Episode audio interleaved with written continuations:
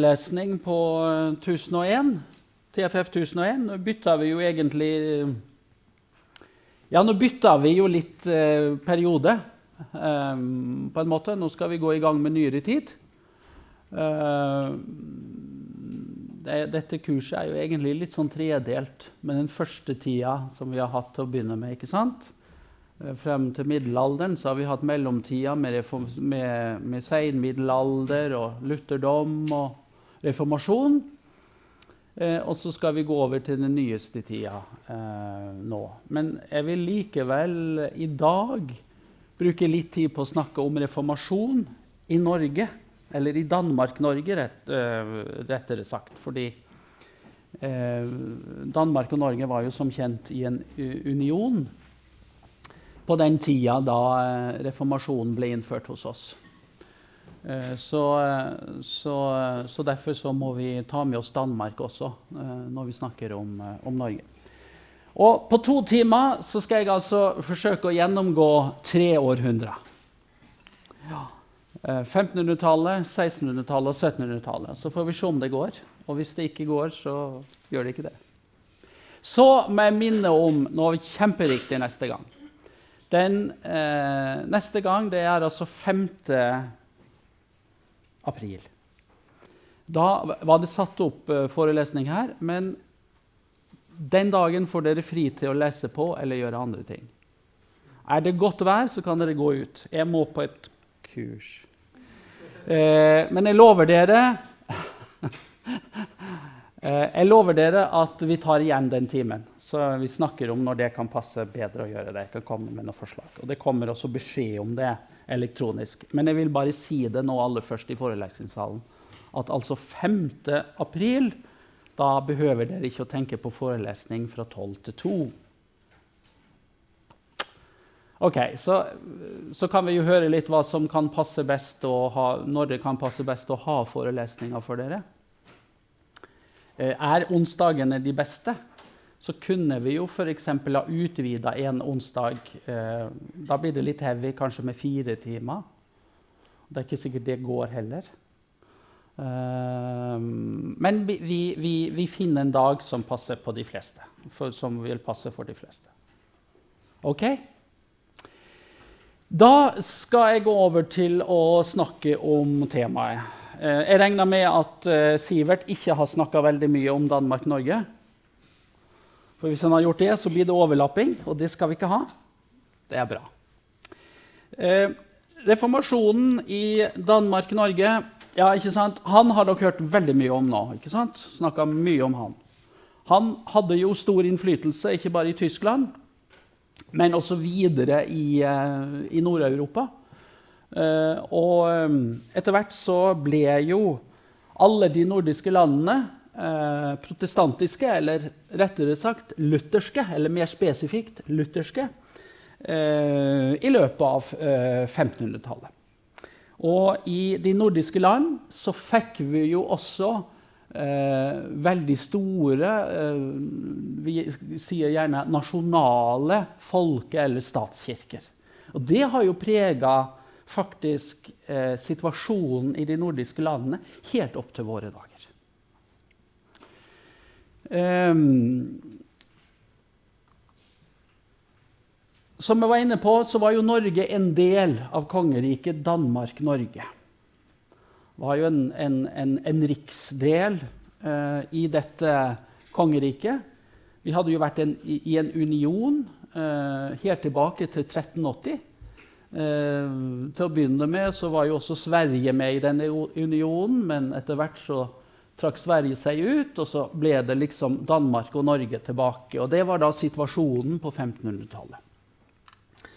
Og det som skjer med, eh, med reformasjonen, veldig sånn overordna sagt, det er jo at Danmark-Norge blir revet løs fra pavekirka. Og dermed så er vi ikke lenger Danmark-Norge er ikke lenger en del av det som vi kan karakterisere som middelalderens store overnasjonale system. Altså kristenheten. Um, eller den universelle pavekirken. Men uh, vi knyttes til ei mer avgrensa politisk ramme. Og Det som skjer med reformasjonen, det er jo at den kristne verden ikke lenger er én. Man kan ikke lenger snakke om kristenheten som én enhet eller uh, som noe spesifikt. Uh, nei, religiøst sett så uh, splittes Europa, slik dere har vært inne på, og deles inn i katolske, lutherske og reformerte nasjoner. Og det vi da får, er jo det vi gjerne kaller for den konfesjonelle staten.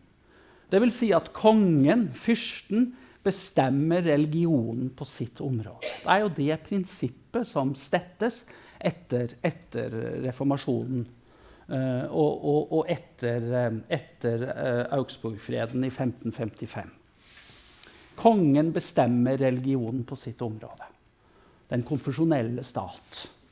Altså, det er jo, det er jo en, en religiøs monopolsituasjon fortsatt, men da innenfor den enkelte stat. Og vil man ikke være lutheraner i en luthersk stat, så må man heller eh, dra til et annet land. Altså, det er, for å si det veldig enkelt, det er prinsippet. Uh, det, hva? Ja, altså, det, det, var jo så strengt, faktisk. At, uh, og det innskjerper jo også ved flere anledninger at du sier kan du ikke Eh, avlegge ed på at du står inne for, for, for de lutherske læresetningene, så har du tre dager på pakke. Sånn var det. Sånn var det. Ja. Eh, så kom det jo etter hvert at dette systemet ble mykna opp. Det skal jo sies. Og det, man hadde jo også behov for å importere arbeidskraft. Og det kunne være folk med annen religion. Og da, um, og da, gjorde man unntak. Men fremdeles så sto liksom dette faste prinsippet for alle. Altså det å være dansk-norsk, det var per definisjon å være lutheraner. Ikke sant? Um, dette er jo kjent. Luther i Worms. Hva gjorde Luther i Worms? Det er bare repetisjon. Hva gjorde Luther i Worms? Og når var det? Det er quiz. Det er quiz. Når var det? Og hva gjorde han der? Da, men på sånne quizer så har man vel alternativer? har man ikke det? En kryss igjen. Det er jo, det er jo den der, ikke sant, denne klassiske scenen hvor han står fram og på en måte sier at uh, Jeg kan ikke trekke tilbake noe av det jeg har sagt. Det forbyr min samvittighet meg. Ikke sant? Eh, så står jeg her og kan ikke annet. Ikke sant? Den er klassiske. Så står jeg her og kan ikke annet, så hjelper meg Gud. Og, det, det, er, si, det, er, Luther som hero. Det er Luther som helt. ikke sant? Og den historia har liksom gått tilbake. ikke sant? Han som eh, med hele seg må stå inne for ting og ikke bøye og, og, og er, er, er, tvunget så å si, av sin samvittighet og kan ikke bøye seg. Det, og det hadde vært laga mange bilder av. Og fortellinger om, selvfølgelig. Eh, viktig når vi snakker om Danmark-Norge, det er at med reformasjonen så begynner dansketida i Norge for alvor. Altså Den danske innflytelsen blir veldig sterk hos oss etter reformasjonen. Og det som skjer, det er at Norge får status som en provins eller det gamle danske ordet, et ledemot under Danmark. Uh, og i det som, ble, det som, var kongens håndfesting kongens, Vi kan nærmest oversette det med, med kongens politiske program, som han så legger fram for uh, herredagen og riksdagen. Det er at han, han, uh, han sier dette at, at Norge skal være en provins under Danmark. Det innebærer jo i realiteten at Norge mister sin egen identitet. Uh, altså Danmark er på linje med Jylland, f.eks. Altså i det danske riket. Um, så, så, og, det, og, dette har jo vært, i hvert fall i den nasjonale norske historieskrivninga, så har dette blitt gjerne framstilt som et hva skal vi si, et lavpunkt i den norske historien. Da er vi helt på bånn. Jeg mener, Vi var helt der oppe i Norgesveldet under middelalderen. ikke sant? Da var vi et eget rike, og vi hadde eh, mektige konger, og vi hadde erkebispesete, og alt dette var helt på topp. Og så gikk det nedover i senmiddelalderen. Vi kom under an, andre ikke sant? Vi kom inn i un union. Og så ender vi opp som en provins under Danmark i 1536. Og da er vi helt på bånn. Så derfor så har, har, reformasjonen egentlig Og dette sam, faller jo sammen med reformasjonen i tid. og innføringen av reformasjonen i tid. Så derfor så har norsk historieskrivning, norske historikere de har vært veldig ambivalent i forhold til å skildre reformasjonen i Norge. Ikke sant? Altså Nasjonalt sett nedgangstid. Men så har samtidig dette med ikke sant, det lutherske osv. Ja, men det har liksom ikke overskygga det faktum at vi, vi, vi, var, vi sto på et lavmålt rent sånn historisk sett, og som, og som eget land osv. Ja, så, så, så, så, reformasjonstida blant historikerne i Norge har vært ganske sånn, hva skal vi si, negativt vurdert. Selv om Luther og den lutherske bevegelsen i Tyskland kunne bli positivt vurdert, så dens rolle i Norge har liksom ikke greid å opp, hva skal vi si, overskygge det faktum at, vi, eh, at det gikk ikke så bra med oss uh, som, uh, som, land. Altså, vi ble, vi ble vi, En egen norsk identitet gikk så å si tapt. Reformasjonen hos oss var heller ingen nasjonal frigjøringsbevegelse. Altså, det var ikke sånn at det var en bevegelse nedenfra i Norge, slik det var i Tyskland bøndene som ble preget av disse tankene. Og det samme som vi ser i Danmark, at det var en bevegelse på grasrotnivå. Sånn var det ikke i Norge. Altså, det, de lutherske tankene var veldig lite kjent. Og det vi, det vi, kjenner til, det er at det har vært noen spredte tilløp. Og det er særlig ett sted i Norge hvor eh, vi kjenner til at det har vært lutherske forkynnere. Og det stedet kan man nesten tenke seg til ut fra datidens forhold, hvor det måtte være. Er det noen forslag? Hva var den største og viktigste byen i Norge på 1500-tallet? Ja. Bergen, ja. Ikke sant? Hvor, man, ikke sant? hvor hanseatene, holdt, hvor hanseatene holdt til. Ikke sant? Og hvor det var impulser fra Tyskland. Der kjenner vi til at det har vært lutherske forkynnere. Så er det noen eksempler faktisk fra Finnmark Veldig interessant. Uh, men, men, men, men, ellers er det veldig lite. Så det var ingen folkebevegelse i Norge som sa at vi vil bli lutherske. Vi vil forandre konfusjon. Det var det ikke. Så på mange måter så er Norge utypisk sammenligna med andre land i Europa. og Det tenker jeg er veldig viktig å si når vi snakker om innføring av reformasjonen. Det var ingen folkebevegelse. Ehm, reformasjonen ble for å si det stygt, tredd nedover hodet på nordmennene. Og hvem var det som tredde reformasjonen nedover hodet på nordmennene? Jo, det var kongen i Danmark. Og hva het reformasjonskongen? Ja, det, nei, jeg har ikke skrevet det her. nei. Eh, jo, det var Kristian 3. Kristian 3. Og ikke sant? Dette med at også dette, forhold, også dette språklige, og det er veldig viktig ikke sant? Hva, hva førte reformasjonen til rent språklig sett? Sånn, sånn, generelt. Hva gjorde Luther da han satt på Wartburg?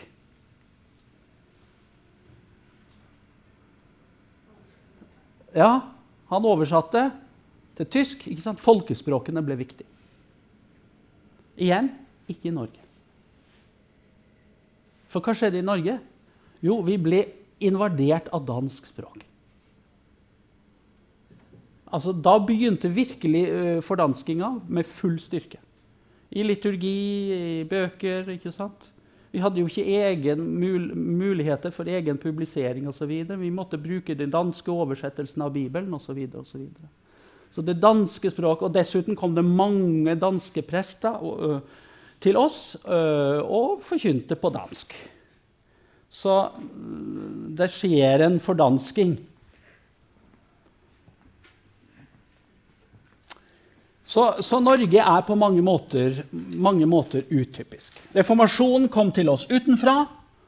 Og når noe sånn kommer til, oss, kommer til et land utenfra og ikke er godt forberedt, ja, da tar det også tid til at disse tingene blir eh, gjort til våre. Så Derfor så tok det lang tid egentlig å innføre uh, det jeg vil kalle den religiøse delen av reformasjonen. Folket var uh, katolikker. De så egentlig ikke noe stort behov for å endre det. Og, og, og det som skjer, det er jo det at uh, man forble katolikker. Man, man, man, man fortsatte å, å, gjennomføre katolske skikker og tradisjoner. Men man gikk over å gjøre det sånn privat eller i skjul. Og Derfor har vi jo eksempler på i folketradisjonen på at, at, at katolske skikker lever veldig lenge. Og særlig i avsidesliggende bygder og, og strøk. Hvor man også kan se at katolske elementer i gudstjenesten fortsetter veldig lenge. Så, så, så det tok altså tid for, for, uh, før selve konfesjonsskiftet skjedde. I hvert fall 100 år har man regnet med. I hvert fall 100 år. Mange skikker holdt seg enda lengre. Eh, så én ting er at man via lovverket sier at ja, nå, godta, nå, nå, skal være, nå, skal dere godta reformasjonen, og vi sier at det ble vedtatt sånn og sånn uh, i det årstallet. Så betyr jo ikke det at man med trylleslag er blitt lutherske. Det tar mye lengre tid. De rent formelle politiske tingene skjer fort, men selve den religiøse delen tar mye lengre tid. Og det, og det er viktig. Men så ble vi jo etter hvert gradvis prega av en reformatorisk kristendomsforståelse. Vi fikk det vi kan kalle en protestantisk kultur. Det foregikk en mentalitetsendring som gradvis gjorde seg gjeldende. Og de mønstrene, de religiøse mønstrene som da etter hvert etableres, og det skjer jo særlig ut etter 1600-tallet, de eh, blir til gjengjeld stående veldig lenge i Norge. Og preger oss veldig lenge i Norge. Det er vel egentlig først med det moderne gjennombruddet på 1800-tallet at, uh, at, dette her brytes opp og endres. Så det er ganske interessant. Ja. Så, så, en stor grad av stabilitet når dette først har satt seg. Men det tar tid.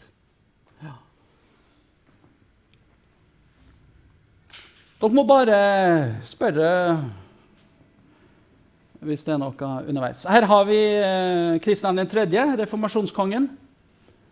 Han var jo hert, hertug i Danmark før han ble konge. Hadde faktisk selv som ung mann, han var 18 år, og uh, var til stede eh, i Worms da, da, da, på riksdagen i Worms, da Luther sto fram. Så han så Luther, opplevde Luther, og han ble veldig fascinert av Luther. Og ble selv en lutheraner. Det er veldig interessant. Og han er, er, det som er den danske reformasjonskongen, som seirer i den borgerkrigen som vi gjerne kaller for grevefeiden, og blir konge i 1536. Og det første han gjør som konge, det er å innføre reformasjonen i sine, i sine riker. Det skjer først på en herredag i København i uh, slutten av oktober eh, 1536. Og så er den offisielle eh, datoen for innføring av Eller dato. Det offisielle årstallet for innføring av reformasjonen i Norge det er gjerne året etterpå vi bruker, altså 1537. Men egentlig så er det vel rett å si at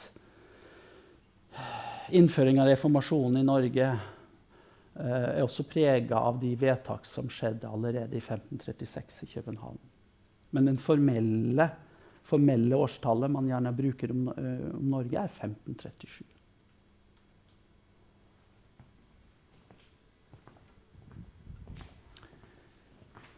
Um, ehm, ja, vi har vært inne på det. Uh, Norge i union med Danmark. Uh, ulikt Norge så skjer det gjennom 15-20-årene i Danmark påvirkning fra den tyske eh, reformasjonen. Her var det en folkebevegelse. Her var det lutherske predikanter som gjorde seg gjeldende. Og så innføres da reformasjonen formelt eh, i Danmark høsten 1536. Og Det som er viktig som del av denne innf innføringa av reformasjonen, det er jo at kirkens jordegods legges inn under kronen. Og kongen får altså store eiendommer. Dere vet at Kirken var jo en av de største eiendomsbesitterne eh, i landet. Eh, og, og det er klart at når, når, når kongen fikk hånd om dette store jordegodset, så ble han mye rikere. Det hadde han bruk for, for det hadde vært krig, så han sto i stor gjeld. Så dette var selvfølgelig kjærkomment for kongen.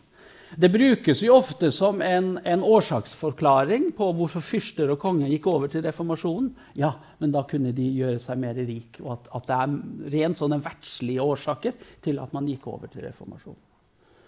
Eh, det kan det nok ha vært, men jeg tror det blir feil å si at det er den eneste årsaken. Eh, og i tilfelle med, med Kristian 3., så vet vi jo at han selv var en, en, en personlig overbevist lutheraner. Men han, han får mer makt, han får mer gods. Han legger ned klostrene, han fengsler biskopene, og han blir selv den øverste leder for kirken. Og så, våren 1537, så er det Norges tur. Da sender han danske tropper til Norge. Og eh, erkebiskopen i Nidaros, Olav Engelbrektsson, han har jo hele tiden eh, drevet en motstandskamp mot eh, lutheriet. Det lutherske svermeri. Og han innser at slaget er tapt.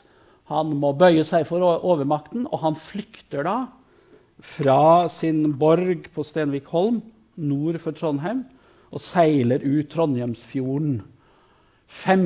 april 1537, som for øvrig var påskedag 1537. Og siden har, det, har Norge ikke hatt noen erkebiskop. Ja. Så ikke sant? Da ligger landet på en måte åpent. Eh, og, og danskene tar alle posisjonene. Og, eh, og fengsler også, avsetter og fengsler også de norske katolske biskopene. Og gjør det samme, ikke sant? jordegods og alt dette som legges under, under krona. Så altså kongen blir selv overhodet for kirken. Og vi kan si at det, det kirkesystem som nå uh, innføres i Danmark-Norge, det er et statskirkesystem. Og egentlig så er det jo en veldig lang tradisjon fra innføring av reformasjonen og helt fram til våre dager når det gjelder statskirkesystem i Norge. Har vi statskirke i Norge i dag? Nei. Når slutta vi å ha det? Nå er vi spent. 1. januar i år. Ja, vi er i ferd med å si Jeg mener, vi skriver jo historie hele tiden her. Ja. Hva skjedde 1. januar i år? Ja, vi har ikke, i hvert fall ikke formelt sett en statskirke. Det er det det betyr, men samtidig så er det jo en del kontinuitet i ting. Men ikke formelt sett. Altså, Den norske kirke er nå et eget rettssubjekt. Og de som er ansatt i kirka, er ikke lenger statstjenestefolk. Eh, Så nå må Kirken selv ordne alt. Bortsett fra pengene. Hvordan finansieres Den norske kirke i dag? Vet dere det? Ja. Eh, altså, den finansieres eh, eh, selvfølgelig ut fra, ut fra folketall, for så vidt. Eh, og det, det er viktig. Men hvem er det som betaler? Er det folket selv som betaler? Ja, På en måte kan du jo si det riktig, men man betaler over skatteseddelen. Men ikke sånn at det er en egen kirkeskatt. Du, du hadde et forslag. Nei, jeg bare lurte på hvordan eh, det blir nå når eh, kirken eh, ikke er i stand. Altså rent økonomisk, tenker du på? Ja. Det vet vi jo ikke helt. Eh, enn så lenge vet vi det. For det står i Grunnloven. Staten forplikter seg fortsatt til å eh, støtte Kirken økonomisk, slik den har gjort. Og her er det et stor grad av kontinuitet. Eh, og, og, og, jeg sa hvem er det da som betaler? Altså De som står for pengene. Det er, det er, på en måte er det riktig å si at det er deg og meg, men det er staten. Og staten er avhengig av at vi betaler skatt. Men det er ingen særskilt kirkeskatt i Norge, slik man har i andre land. Eller i mange andre land. Så det er, det er Stortinget, altså det er statsbudsjettet delvis, som finansierer Kirken. Og så er det kommunene. Kommunebudsjettene. som finansierer. Og det er det, det er det, gamle systemet, og det videreføres nå. Hvordan det vil bli i framtida, vet vi jo ikke helt. Ja?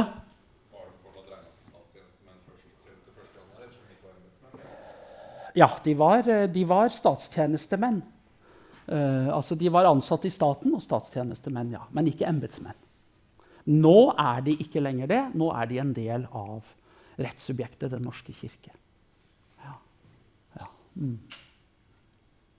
Går, ikke, går ikke alle de pengene som går til sånn statsstøtte trossamfunn, går ikke de alle fra skattepengene?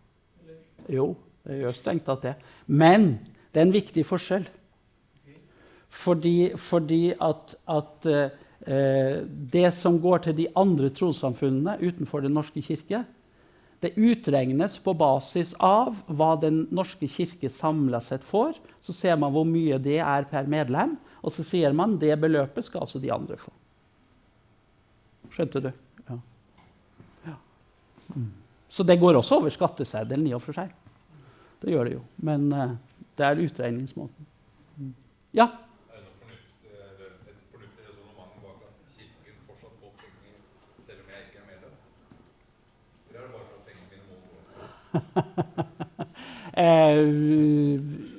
la, meg, la, meg, si det sånn.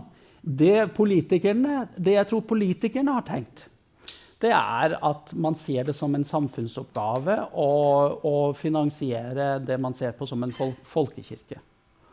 Men det er klart at det er eh, det er en del problematiske sider ved dette. og Nå har jo regjeringa bebudet at man må gå igjennom eh, hva skal vi si, Eh, økonomien til, til alle religiøse, religiøse samfunn i, i, Norge. Og vi venter jo på en stortingsmelding. Derfor er det jo veldig vanskelig å si hva som blir i framtida. Men det vi har å forholde oss til nå, det er dette. Uh, og, og, og, det som står i Grunnloven i paragraf 16 om at man forplikter seg til å finansiere Den norske kirke og andre tros- uh, og livssynssamfunn på like linje. som det står i paragraf 16. Men at det blir endringer i dette feltet, og forslag om endringer, det tror jeg helt sikkert.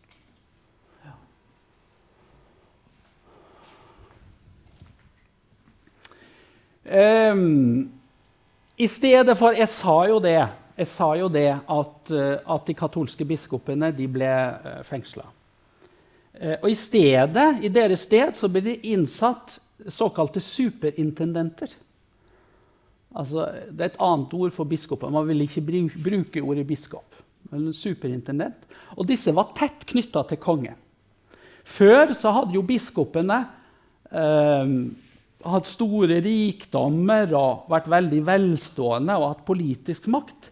Dette blir det helt slutt med nå. Kongen tar over de tidligere biskopenes eh, e-, eiendommer og setter dem på fast lønn. Eh, så, her starter jo egentlig eh, tradisjonen med at de blir statstjenestemann eller embetsmenn. Nå brukes ikke dette begrepet da. Det kommer først inn med innføring av enevelde. Da blir de formelt sett embetsmenn.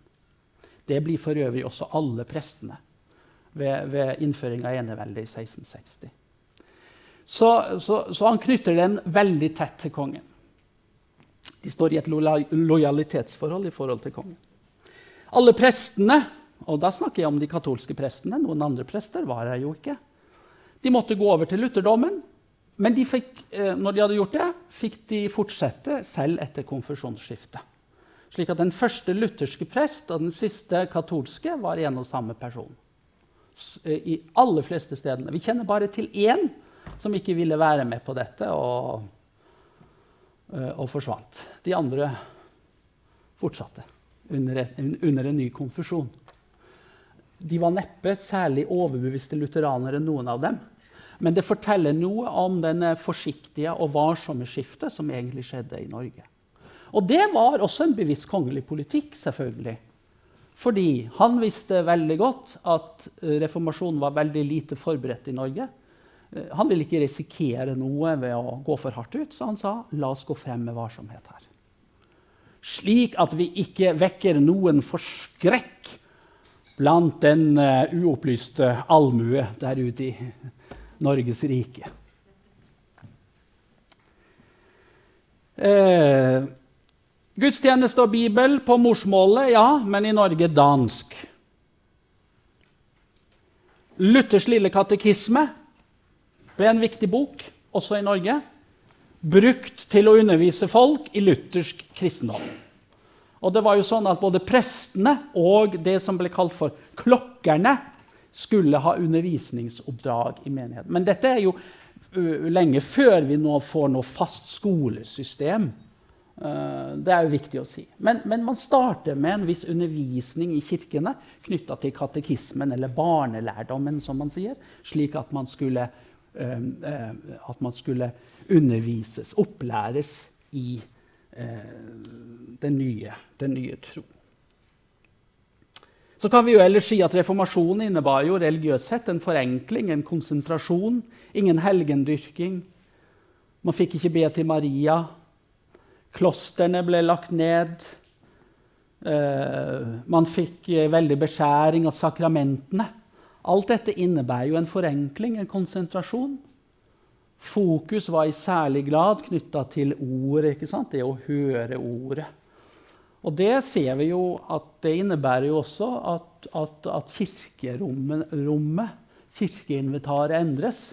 Hvor vi får prekestoler som mye større grad enn i katolsk tid blir en viktig del og blir nærmest eh, prangende i kirkerommet. Skulle, og vi får kirkebenker som vanlig del av interiøret. Folk skulle sitte og høre. Ordet ordet, altså det å, å høre evangeliet for, forkynt. Slik kom mennesker til tro. Det var veldig viktig.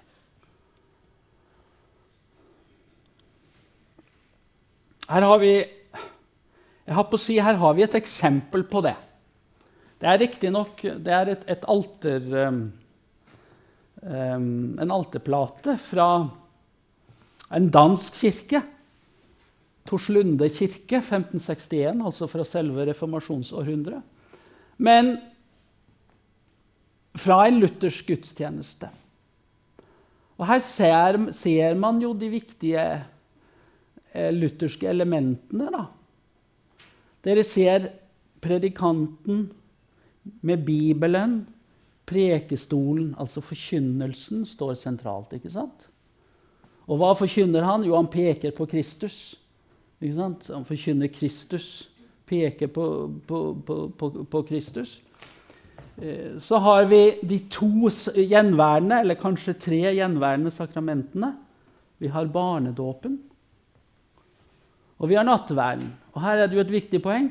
De får både brød og vin. Det gjorde man jo ikke i luthersk kontekst. Da fikk man bare nattverd under én skikkelse, som vi sier. Skulle få begge deler. Og her er jo de, menigheten da, som står, her står de da og lytter. Og her kanskje er det, er det botens sakramentet vi ser. Dette at man kunne skrifte, og det er mulig man kan så det. Men her har vi de sentrale elementene i den lutherske eh, konfesjonen. Eh, altså ordets forkynnelse og nattværforvaltningen ikke sant? I, i, i, i kirken ganske sånn illustrerende bilde på hva skal vi si, den nye mentalitet, eller den, det nye nå som, som kommer inn. Så det er en konsentrasjon, det er en forenkling på en måte av det hellige. Det er, det, det er kanskje det viktigste mentalitetsskiftet som skjer. Og så synger man salmer, selvfølgelig. Altså Salmesangen er jo veldig viktig i den lutherske gudstjenesten.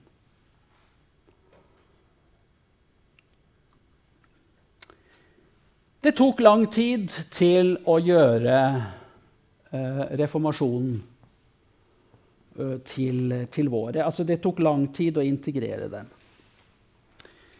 Eh, når, vi, når, vi, kommer over på 1600-tallet, eh, som vi gjerne kaller for ortodoksien, som betyr rettlæretida, egentlig, så er det en tid preget av innøvelse av luthersk kristendom. Det er en tid for å konsolidere reformasjonen religiøst sett.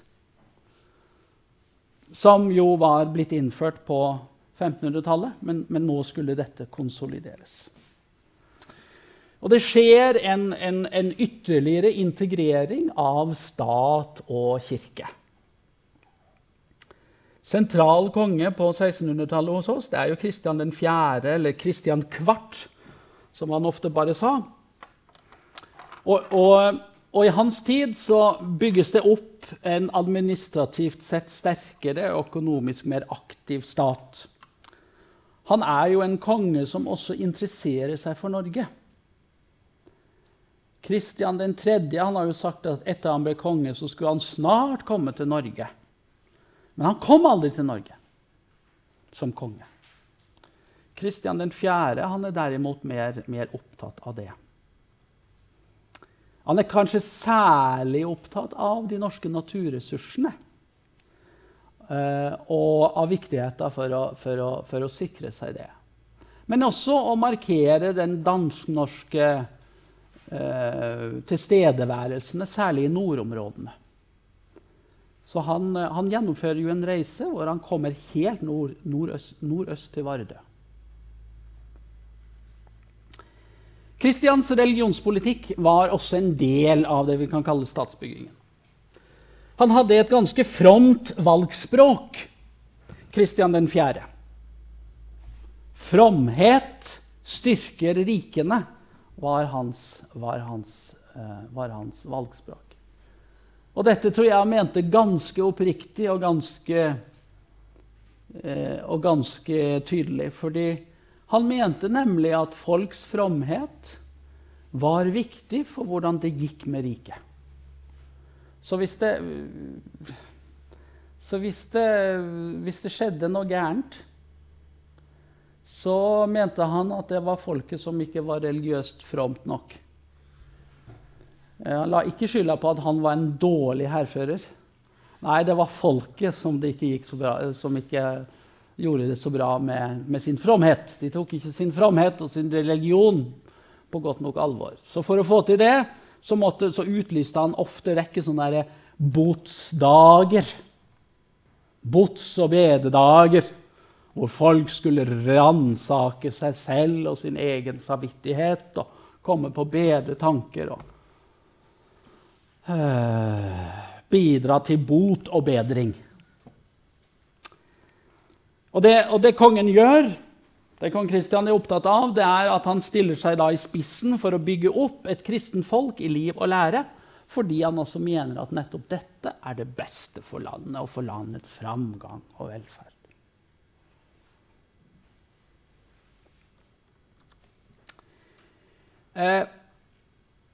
det sentrale på 1600-tallet var jo selvfølgelig også dette undervisningsaspektet. Dette å, å, å, kunne forstå innholdet i kristendommen og i den kristne tro. Eh, kirkehuset var jo sånn sett viktig. Gudstjenestene. Eh, det var jo et viktig middel til å, til å, å lære kristendom, lære protestantisme. Og prekenene ble jo faktisk også brukt som, som, som, som undervisning. For det ble jo, det ble jo påbudt at, at, at, prestene som del av prekenene skulle de utlegge katekismen. Skulle de altså, altså undervise folk fra, fra katekismen som det siste delen av prekenen. Eh, I tillegg så var det en undervisning, eh, gjerne en ukedag, så fremst det var mulig, eh, hvor klokkeren eh, og også presten underviste eh, barn og ungdom i katekismen. Dette var jo veldig vanskelig å, egentlig å få til i det spredtbygde Norge. Uh, og dessuten så mangla det personlige ressurser. Det var ikke så lett å få gode nok klokkere til å, til å, til å gjøre dette. Så det var ganske vanlig. Uh, så det var ganske vanlig. Det var ganske vanskelig uh, å få et skikkelig system på det, men man prøvde. Og det var jo ikke alle steder heller at det var gudstjeneste i kirka hver søndag. Så man etablerte ganske tidlig en slags omgangsskole hvor altså klokkeren reiste litt rundt til mer sånn avsidesliggende byg bygder eh, og dreiv undervisning. Um, ellers ble det, jo, ble, det jo, eh, ble det, jo, skrevet bøker som var utleggelser av Martin Luthers lille katekisme. Altså Martin Luthers lille katekismen var, var jo på mange måter grunnboka. Altså, det, var jo, det, var jo, barnelærdommen, det var jo det folk skulle innøve, og det var det de skulle bli kjent med. I tillegg så ble det også gitt ut uh, noen prekesamlinger, eller på stiller, som det gjerne ble kalt. Som man, I den grad man hadde råd til å skaffe seg denne type bøker, så leste man det i, i, i hjemmene. Man la veldig vekt på det man gjerne kaller for husandakten. Altså dette at man skulle eh, Og det var da husfaren da, som, hadde, som hadde ansvaret for å, å, å lese fra postillen til huslyden sin. Og det var særlig da i forbindelse med søndager hvor det ikke var gudstjeneste i stedets kirke. For det kunne jo være mange steder at det ikke var gudstjeneste hver søndag. Da hadde husfaren som en plikt å samle huslyden og lese fra, lese fra postillen til en sånn husandakt. Eh, så, så, så, så, husfaren fikk altså en, en veldig eh, Fikk også faktisk en, en type religiøs rolle i familien, da, i husholdningen. Salmene var selvfølgelig viktige. Um,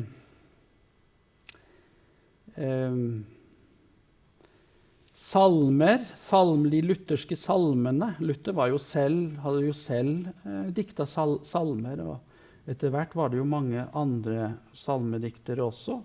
Man fikk salmebøker. og Salmebøkene kostet atskillig mindre enn Bibelen. Det var de færreste som hadde råd til å ha en bibel hjemme. Men salmeboken kunne de ha. Salmeboken var, også en, var kanskje den viktigste boken på denne tid for folk. Altså, der fikk de eh, lære Eller der eh, Ja, det var på en måte den viktigste på, boka i forhold til å, å, hva kristendom egentlig var for noe. Ved å, ved å ha salmene, lese og synge salmene. 1600-tallet eh, hadde jo avfødt også noen salmediktere. I Danmark hadde man Thomas Kingo. Eh, han finnes det flere salmer av i den nåværende salmebok. Men fra Norge så er det jo særlig én vi, vi hus, og det er Petter Dass. Nordlandspresten Petter Dass fra, fra, fra Helgeland i Nordland. Uh, han var kanskje ikke så kjent utafor Nord-Norge på 1600-tallet. Men han er i ettertid blitt veldig kjent. Han kom jo med i den nye salmeboka, eller nye salmeboka. Når jeg snakker om den nye salmeboka, så tenker jeg på Landstad salmebok fra 1870. Kan du se hvor jeg er i verden?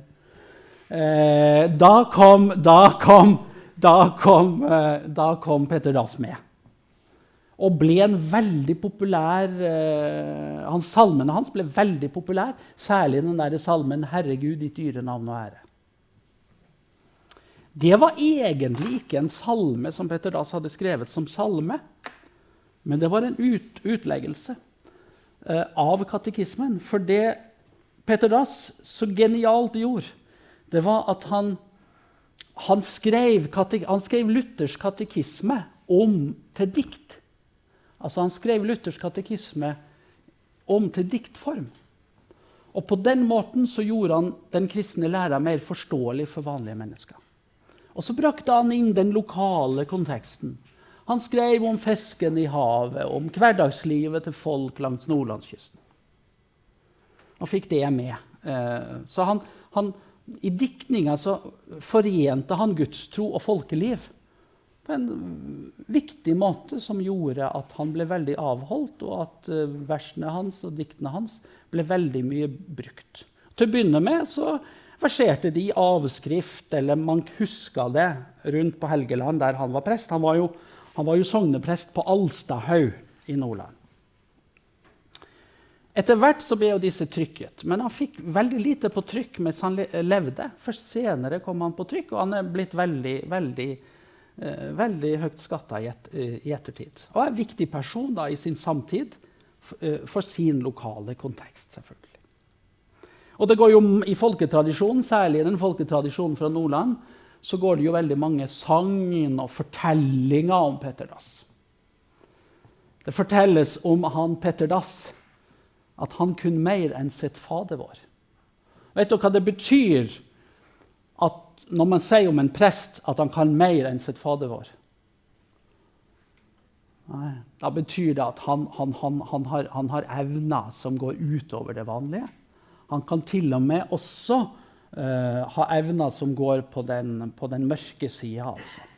Djevelen, faktisk. Altså? Denne typen prester kunne også bli kalt for svartebuksprester. De kunne mane fanden, og de kunne beskytte folk mot fanden.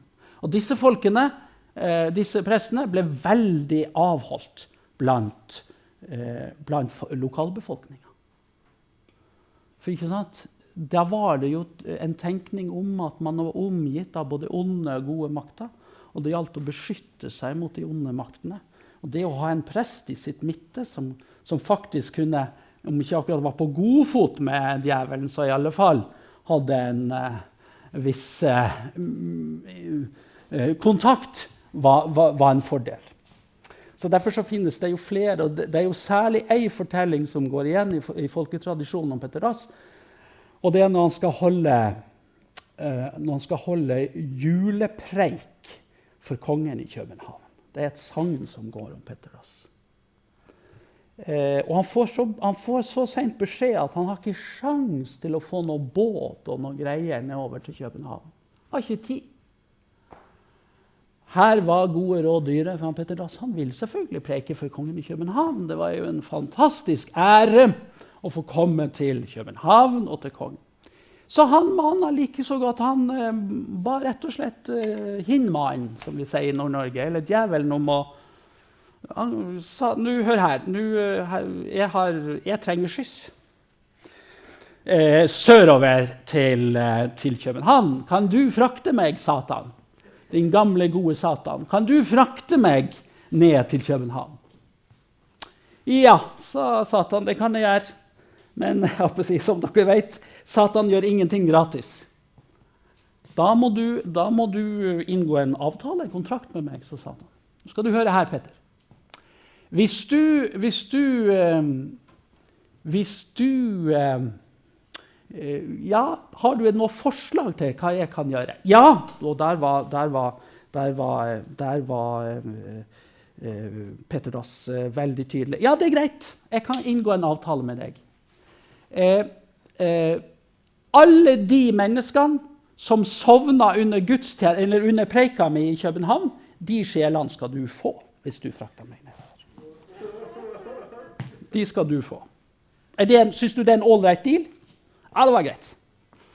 Satan sa det går jeg med på. Og så tok han han Petter Dass på ryggen, og så ba, bega de seg nedover til København. Og Petter Dass han holdt sin preken. Tror dere det var noen som sovna under preika til Petter Dass i Slottskirka i København? Ikke ei sjel! Han, han hadde aldri holdt en sånn god tale og sånn god preken som akkurat da. Og Satan måtte da gå og slukke øret tilbake. Det ble ikke noe. Så det, han hadde gjort en god deal, skjønte han etter hvert. Sånne fortellinger. Sånne fortellinger, så nærliggende. Går det litt sånn om i folketradisjonen som er nedtegna? Som ble nedtegna på 1800-tallet, eh, knytta til Petter Dass. Så han var en sånn nam, nam, namkundig, namkundig person. For oss, for ettertida, så er han jo særlig kjent for sine salmer. selvfølgelig. Det er jo der han står. Og sin ypperlige pedagogikk i forhold til å dikte om katekismen på vers. Og Sånn sett så går han inn i 1600-tallets ortodoksi, hvor det viktige er å, å oppdra og lære folk i luthersk kristendom. Nå ser jeg at jeg har gått over tida, men jeg måtte jo bare ta den fortellinga om da han for ned til København. Ja? Skal vi ha en pause? Ja. Da gjør vi det. Skal vi si at vi begynner kvart over, eller? eh? Ja. Jeg er bare ja-mennesker her. Fantastisk.